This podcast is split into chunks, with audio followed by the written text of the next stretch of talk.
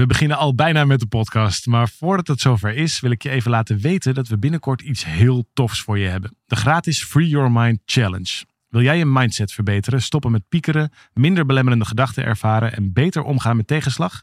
Schrijf je dan in voor deze challenge via www.365dagensuccesvol.nl slash challenge. Het is van 26 mei tot en met 29 mei en ik heb er heel veel zin in. We beginnen nu met de podcast.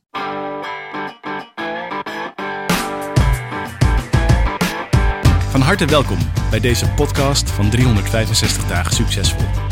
Wij zijn David en Arjan en we delen in deze podcast de eye-openers die cruciaal zijn voor een gelukkiger leven.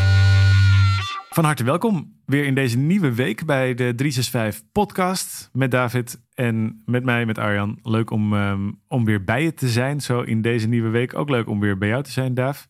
Uh, Ja, ver weg zit je in Nederland, maar toch, eh, toch leuk om je zo weer te spreken. Ik ben heel benieuwd. Is er nog wat gebeurd deze week en hebben we iets om over te praten met elkaar? Nou, dat, dat gaat meestal wel goed. En ehm, ja, nou goed, jij vraagt het altijd aan mij, maar ik dacht ik ga eerst eens even de vraag eh, omdraaien. Jij, jij zit daar natuurlijk, jij zegt altijd ver weg. Dat voelt overigens helemaal niet zo. Maar ehm, ik vind het ook wel bijzonder. Je bent daar gewoon met je, jullie zijn met z'n zessen gewoon met koffertjes en vliegtuig en zo daar neergestreken. En daar zit je nu echt al hele geruime tijd. Hoe, Ja. hoe is dat? Hoe, hoe doen jullie dat? Jeetje, oké. ehm, eh, nou, het, het is eigenlijk twee dingen tegelijk. Aan de ene kant is het natuurlijk een waanzinnig avontuur. Want we hebben ervoor gekozen om op Bali te gaan wonen met het hele gezin. En dat betekent ook allemaal nieuwe dingen. Allemaal dingen die we die natuurlijk prachtig zijn en, eh, en ons verrassen. Dat gaat over hoe de cultuur van Bali is, hoe vriendelijk de mensen zijn, op wat voor mooie plekken we komen, wat voor bijzondere dingen we allemaal meemaken met elkaar, hoeveel we leren ook over, nou, over het schoolsysteem wat ze hier gebruiken, bijvoorbeeld, in ieder Mhm. geval op de school waar mijn kinderen naartoe gaan, maar ook over de verhouding die de Balinezen hebben met eh, wat zij noemen de spiritwereld, het- in, in het, de bijzondere combinatie van het Hindoeïsme en het Boeddhisme, wat hier eh, op het eiland zo, zo op een unieke manier heel, heel erg leeft. Ehm, de, de, de, de lopende band worden er offertjes gebracht aan, eh, aan de spirits die er op allerlei plekken huizen. En dat heeft iets. eh, het is natuurlijk niet mijn religie, maar ik vind het wel de, de, de, zeg maar de, het respect voor de natuur of voor de mensen die met die religie meekomt. Of met deze invulling van de religie die ze hier vaak eraan geven. Vind ik heel inspirerend. Dus ik vind dat heel bijzonder om te doen. Ook om hier zo met de kinderen te zijn. Dat is soms hopeloos ingewikkeld en, ehm, eh, en vaak ook bijzonder leuk. Eh, dus aan de ene kant, het ene deel van het verhaal is dat het spectaculair is. En dat ik heel blij ben dat we dit zo samen meemaken. Het tweede deel van het verhaal is dat het ook gewoon een verplaatsing van gedoe is. Weet je, we hebben gewoon vier kleine kinderen. En ja, het zijn hier, het zijn hier nog steeds Nog vier steeds, kleine ja, kinderen. en er is er altijd. Ja, er is altijd wel iets met iemand. Dan heeft er weer iemand in zijn broek geplast. Of dan heeft er weer iemand zijn teen gestoten. Wat dan hier op Bali een lelijke infectie wordt. Of dan heeft er weer iemand eh, eh, eh, heimwee of liefdesverdriet. Of, dus, dus is hier ook natuurlijk. En dat, dat, dat, dat is dus op een, een mooie manier ook wel geruststellend. Dat het, ehm, dat het leven gewoon doorgaat. Waar je ook je maar ook maar bent. bent. Ja, precies. En dat, ja, en dat het zich voegt of zo. En dat je. En, de, en, en dat wat ik daar zelf heel interessant aan vind, is dat. ehm, waar het. Dat heb ik ook moeten leren hier. Want ik ben wel iemand die altijd ook op reis is of op zoek is geweest naar hey, waar, zit nou, waar zit nou dat grote geluk? Nou, daar heb ik natuurlijk de afgelopen tien jaar in de tocht, elf jaar in de tocht die wij samen hebben gemaakt, ongelooflijk veel over mogen leren. Maar hier krijg ik daar weer opnieuw de bevestiging van dat uiteindelijk alle objecten om je heen ook maar spiegels zijn. Want je kunt je namelijk op Bali ook heel eenzaam voelen of heel verloren voelen of heel erg eh, als je een competitie maakt van alle knappe servers en, eh, en mooie Instagram mensen die hier ook allemaal rondlopen. Of als je ziet hoe, wat voor spirituele zoektochten er allemaal worden ge- ge- gedaan hier van mensen die ook zichzelf een beetje kwijt zijn. Ehm, dus je kunt ook.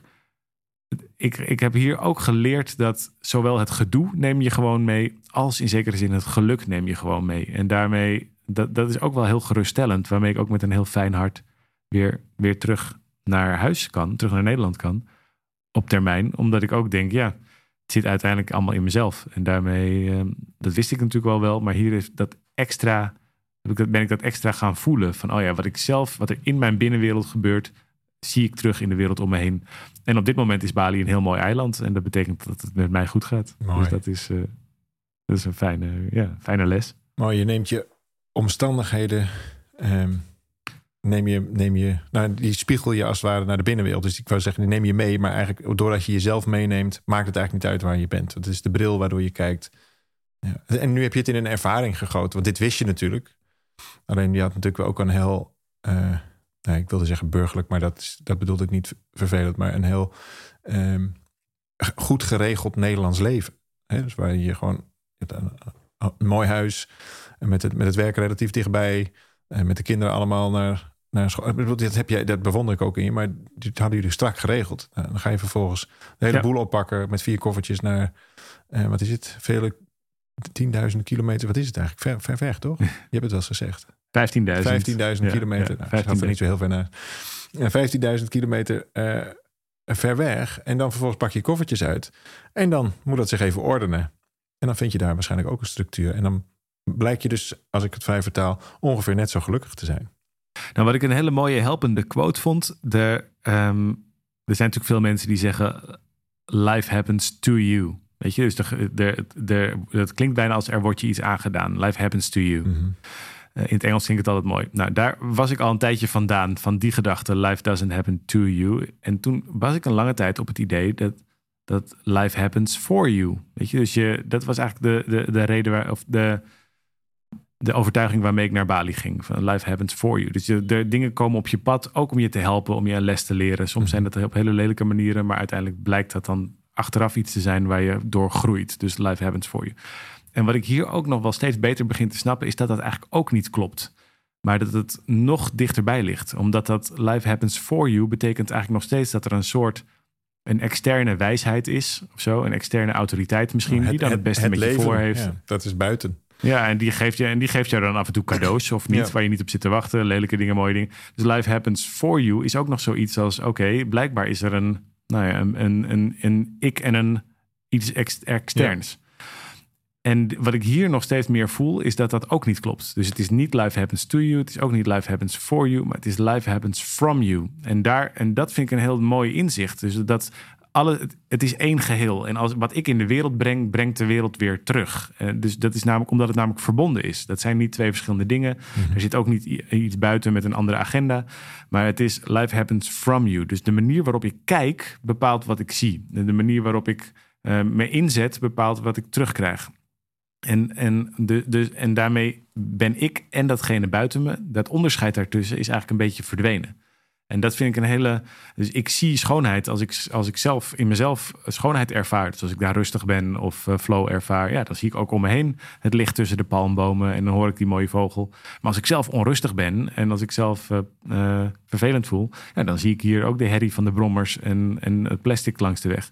Dus, dus ik, ik, ik zie alleen maar wat ik zelf ben. En, dat, ehm, en daarmee is ook het eiland geworden wat ik zelf ben. Het is alleen maar reflectie van jezelf. En daarmee is het jezelf geworden. Snap je? Kijk, Zeker. een hele harde brommer nu naast me. Die hoor, die hoor je misschien ook wel. Eh, geinig. Eh, dus dat, en daar, ehm, dat helpt mij heel erg. Dat, da- daarmee kun je op elk moment altijd op zoek gaan naar de schoonheid. In jezelf ook. En ook als je duisternis ervaart, dan weet ik dat die in eerste instantie in mezelf zit. En dat ik de neiging heb om die dan from me, om die te projecteren op de wereld buiten me. Dus dat zelfs dingen die je als tegenslag of als, als vijand kunt ervaren, dat dat uiteindelijk de duisternis in jezelf is die je daarmee eigenlijk ontmoet. En dat eh, vind, ik, vind ik heel interessant. Ja, mooi. Mooi. Nou, leuk om even zo, eh, om zo eens even te horen. Ja, te gek. Ja, ja ik had niet gedacht dat we het hierover zouden hebben. Want jij zei net voor het, van tevoren, voordat we starten, zei jij... Nou, ik heb wel iets interessants. Er is iets gebeurd en daar heb ik over nagedacht. En daar kunnen we het even over hebben. Nou, dat, dat, dat, dat las ik toevallig. En toen dacht ik, ja, dat, daar moet ik zelf eens even over nadenken. En nu heb jij al het even ook over gedoe gehad en kinderen gehad enzovoort. Het komt door, een, door iets wat er gebeurde tijdens een, ehm, een evenement wat we organiseerden alweer een tijdje terug. Begin van het jaar. Jouw beste jaar ooit, één dag. Eh, en toen hadden we in tien stappen dan naar een, naar een soort idee, een uitnodiging voor 2023. En dus dat hele idee van binnen naar Ja. buiten, dat je daar, als je daarbij stilstaat, dat je het ook kunt waarnemen en zo ontvouwt zo'n jaar zich meer in jouw richting. Dus het is eigenlijk, het gaat Ja. over bewustzijn. Nou goed, dat, dat, dat was een dag en dat vond ik ook een mooie dag. Er waren 800, 800 mensen, Ja. en dat was tof. En, eh, daar zit een, een, een hele korte oefening in, namelijk your vibe attracts your tribe. Dus, dus je, je, ja, hoe, hoe jij, ik wilde zeggen in de wedstrijd zit, maar dat, zo bedoel ik het helemaal niet. Het is namelijk helemaal geen wedstrijd. Maar hoe, hoe jij erin zit, hoe jij, hoe jij bent, ja, daarmee, daarmee trek je eh, mensen aan. En nou, we noemen het dan de A-speler oefening. Dus je, je, wil, je wil zoveel mogelijk A-spelers, dus mensen die jou die goed bij je passen en die je ook verder helpen. Als je daar genoeg mensen van om je heen hebt, eh, zeker als je daar wat meer tijd mee besteedt, dan zul je merken dat je leven wat meer vorm krijgt. Ook hier, zo binnen, zo buiten.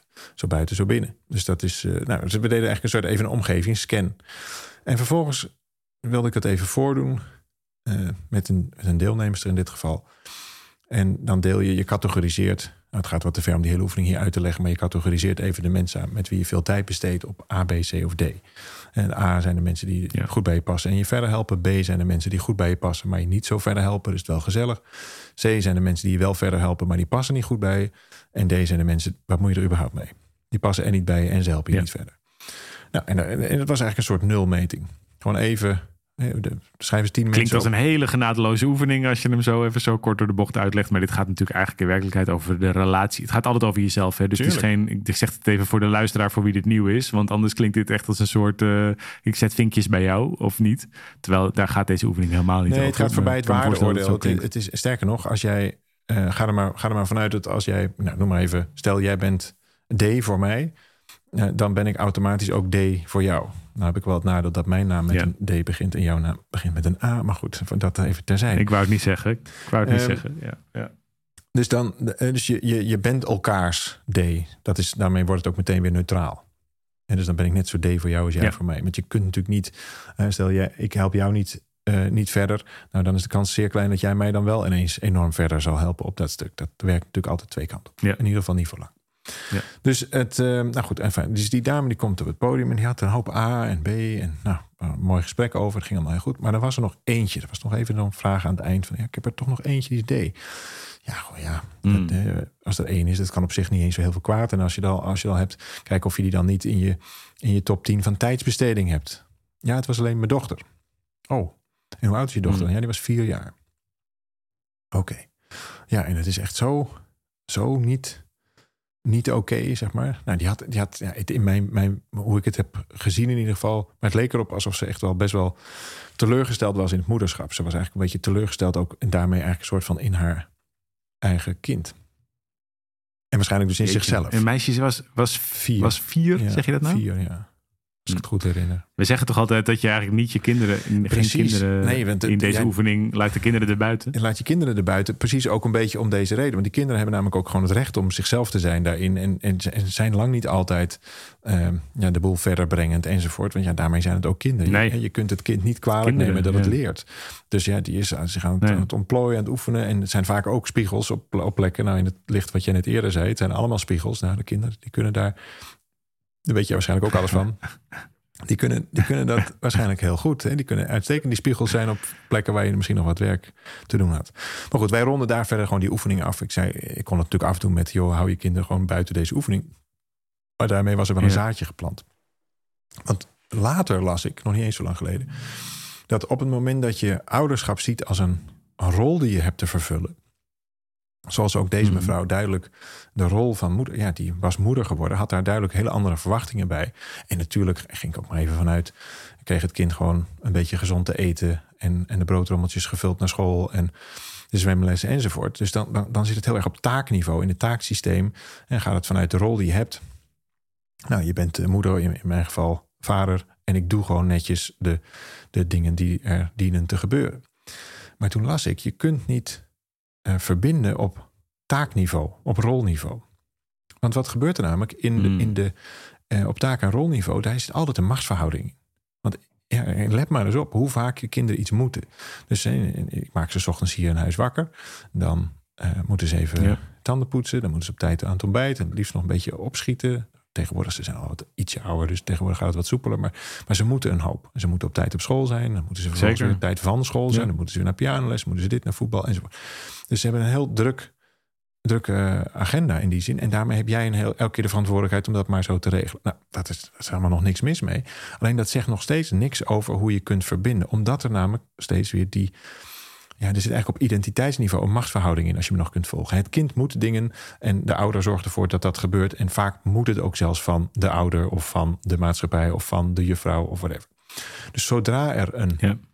een rolverhouding is, als in nou, de juffrouw en eh, de leerling of de vader en het kind enzovoort, daar, daar kun je niet ten diepste mee verbinden, omdat er altijd die eeuwige machtsverhouding in zit.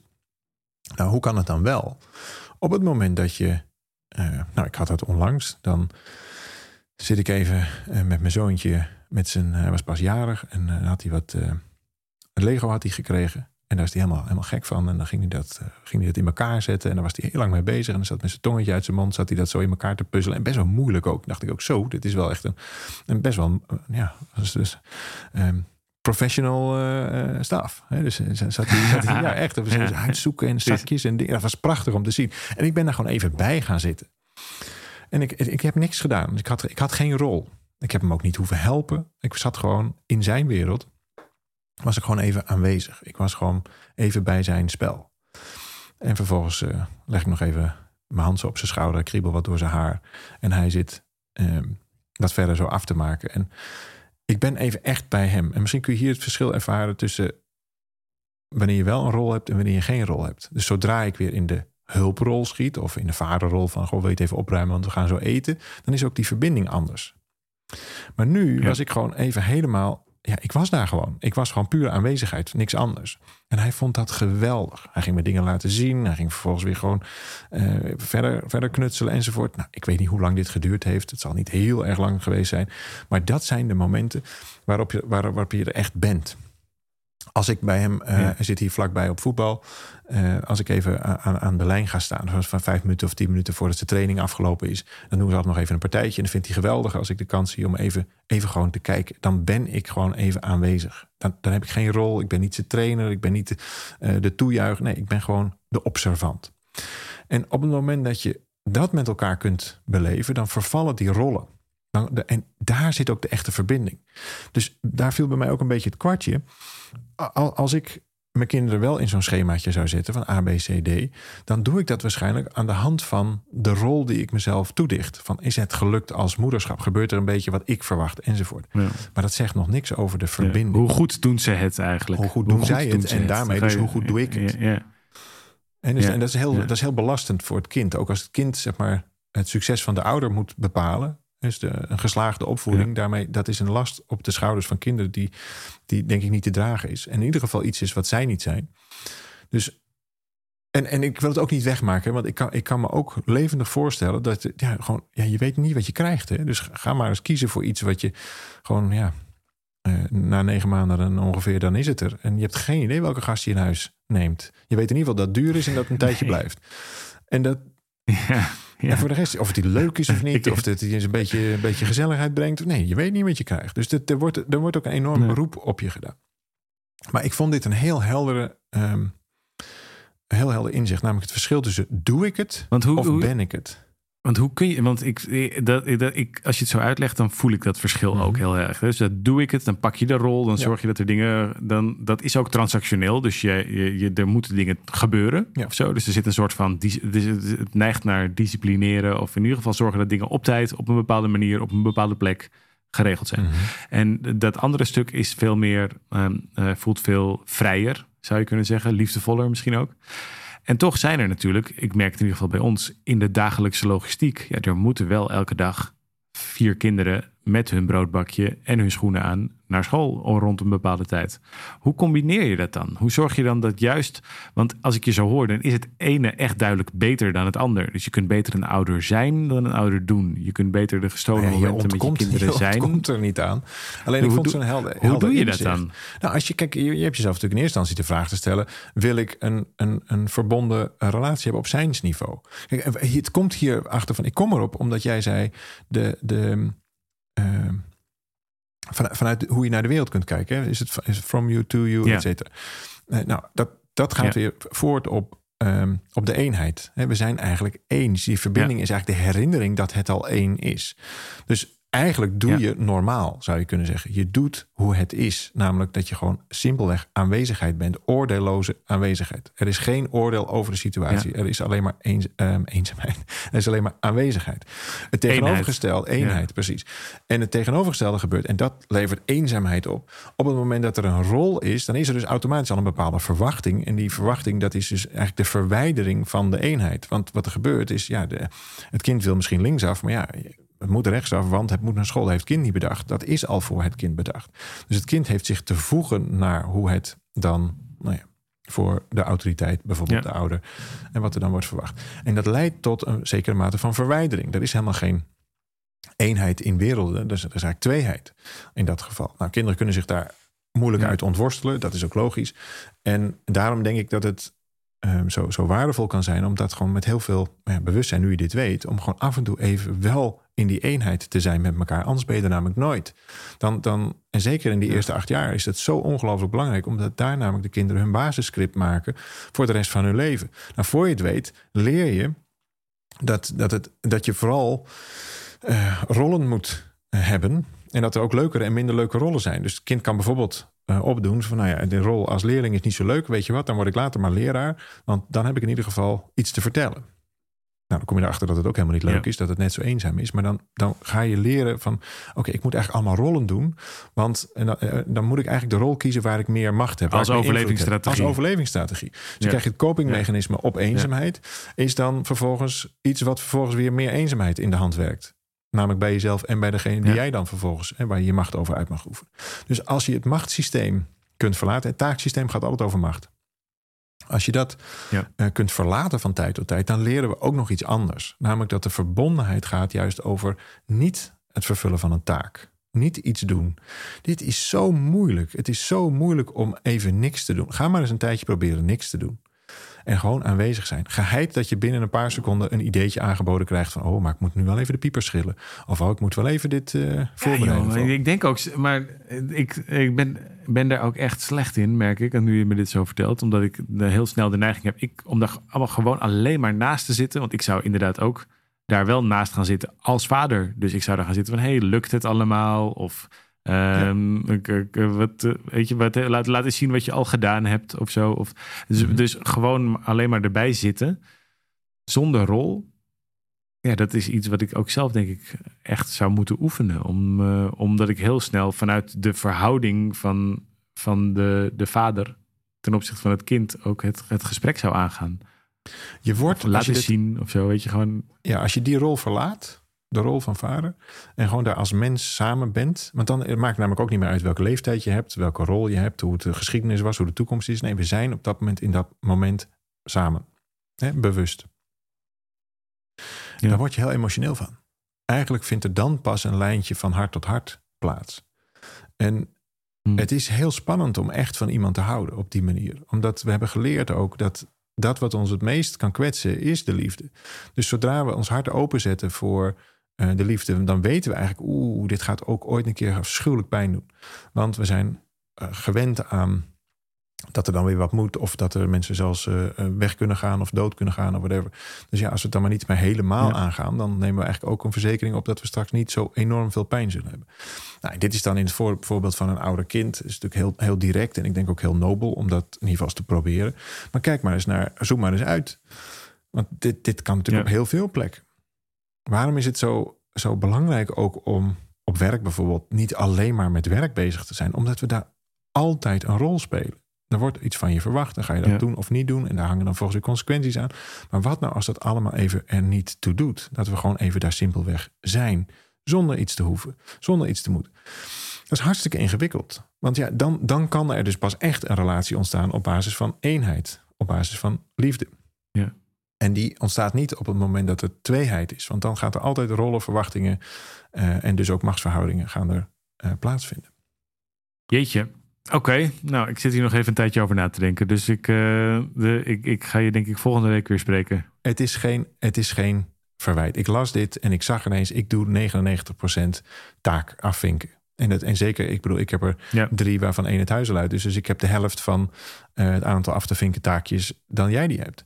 Dus het is, het is al echt heel knap als je daar in eerste instantie van bewust bent. Van hé, hey, wacht even, ben ik nu vader of doe ik vader? Nou, en dan, ik zie wel eens foto's van jou voorbij komen dat je aan het strand zit. Of dat je je, je kind even samen speelt in het water. Dat je daar eh, eh, dat je even waterpret hebt. Dat zijn van die momenten dat het even niet uitmaakt. Dan ben je gewoon samen op aan het gaan in dat moment. In dit geval in een activiteit. Soms kan het ook gewoon in, in samen zijn. En mijn, mijn jongste Ja. dochter vraagt wel eens: gewoon pap, wil je gewoon even bij me liggen totdat ik in slaap val? Dat vind ik gewoon, dan heb ik leukere dromen, dat vind ik fijn. Nou, dat zijn van die momenten. Hm. En als die uitnodigingen komen, die, die, die vind ik ook niet altijd even makkelijk. Maar als die uitnodigingen komen, dan is het wel heel. Dat zijn van die momenten waarbij het, ja, de rollen vervagen. En dat je gewoon samen even in dat moment kan zijn. Dat blijken de momenten te zijn waarbij de liefde plaats kan vinden. Waarbij de echte verbinding ontstaat. Omdat omdat het eenheid is. Omdat het niet aan een verwachting hoeft te voldoen. En juist in al die andere momenten leidt het eigenlijk meer tot verwijdering. Dus het is vooral een uitnodiging om dit bewust eh, te doen. Nou, ik schrok mijn hoedje, want ik denk, oeh, ik doe ook 99% vooral taakjes en dan zit mijn dag al vol. Dus ja, waar moet ik dit nog in proppen? En toch kun je zelfs in het smeren van de broodjes. Je gaat maar proberen. Als je, als je, eh, wij smeren de broodjes voor de kinderen. Eh, nou, en dat is dan een, een taak. Nou, die moet dan gedaan. En dat is afhankelijk van hoeveel tijd er nog is, al dan niet stressvol. Maar op het moment dat je dat vanuit bewustzijn kunt doen, dus vanuit eenheid kunt doen, hé, hey, waarom smeren we het eigenlijk niet samen? En kunnen we daar ook niet een soort even voorbij de taak een dingetje van, van maken met elkaar? Dan is er al veel meer een verbinding. En nou ja, ik vond het in ieder geval een heel, een heel interessante eye-opener. Niet om nou te zeggen dat mijn kinderen in D vallen. Ik heb hartstikke leuke kinderen. Maar ik, kan, ik kon het ergens ook wel voelen. Dat ik dacht, ja, het kinderen zijn wel een enorme. eh, die nemen gewoon wel echt je leven over. Het is niet zo oh, die komt even, eh, net als je een hond in huis kan nemen, neemt ook wel een beetje je leven over. Maar dat neemt niet zo je leven over dat je jezelf niet meer herkent, zeg maar. In ieder geval, zo is niet de bedoeling. Maar met, met, met kinderen is dat wel zo. Die nemen echt je leven over. Nou, en dan kijken of je daar die eenheid in kan vinden. Want dan worden het volgens mij ook hele mooie teachers. Eigenlijk zijn, zijn je kinderen zijn geweldige teachers. Niet in hoe jij het allemaal zo goed kan doen als ouder. Maar hoe je echt kunt verbinden met dat wat je uiteindelijk het meest lief is. Thanks weer voor, deze, eh, voor het delen van deze inzichten. En volgende week weer verder, denk ik. Misschien over dit onderwerp, misschien over een ander. Als je in de tussentijd iets met ons wilt delen, dan zitten we op je te wachten. Dat vinden we super fijn als je dat doet. Mail ons op podcast.365dagensuccesvol.nl. Um, like of abonneer je op een van, deze, van een van de kanalen waar je dit op volgt. Op Spotify of Apple of waar het ook maar is. Um, leuk als je berichten achterlaat op sociale media. Of als je deze podcast deelt als je er enthousiast over bent. Dankjewel dat je er bent. Dankjewel dat je dit samen met ons doet. En we zien je graag en we spreken je graag volgende week weer. Tot dan. Hoi!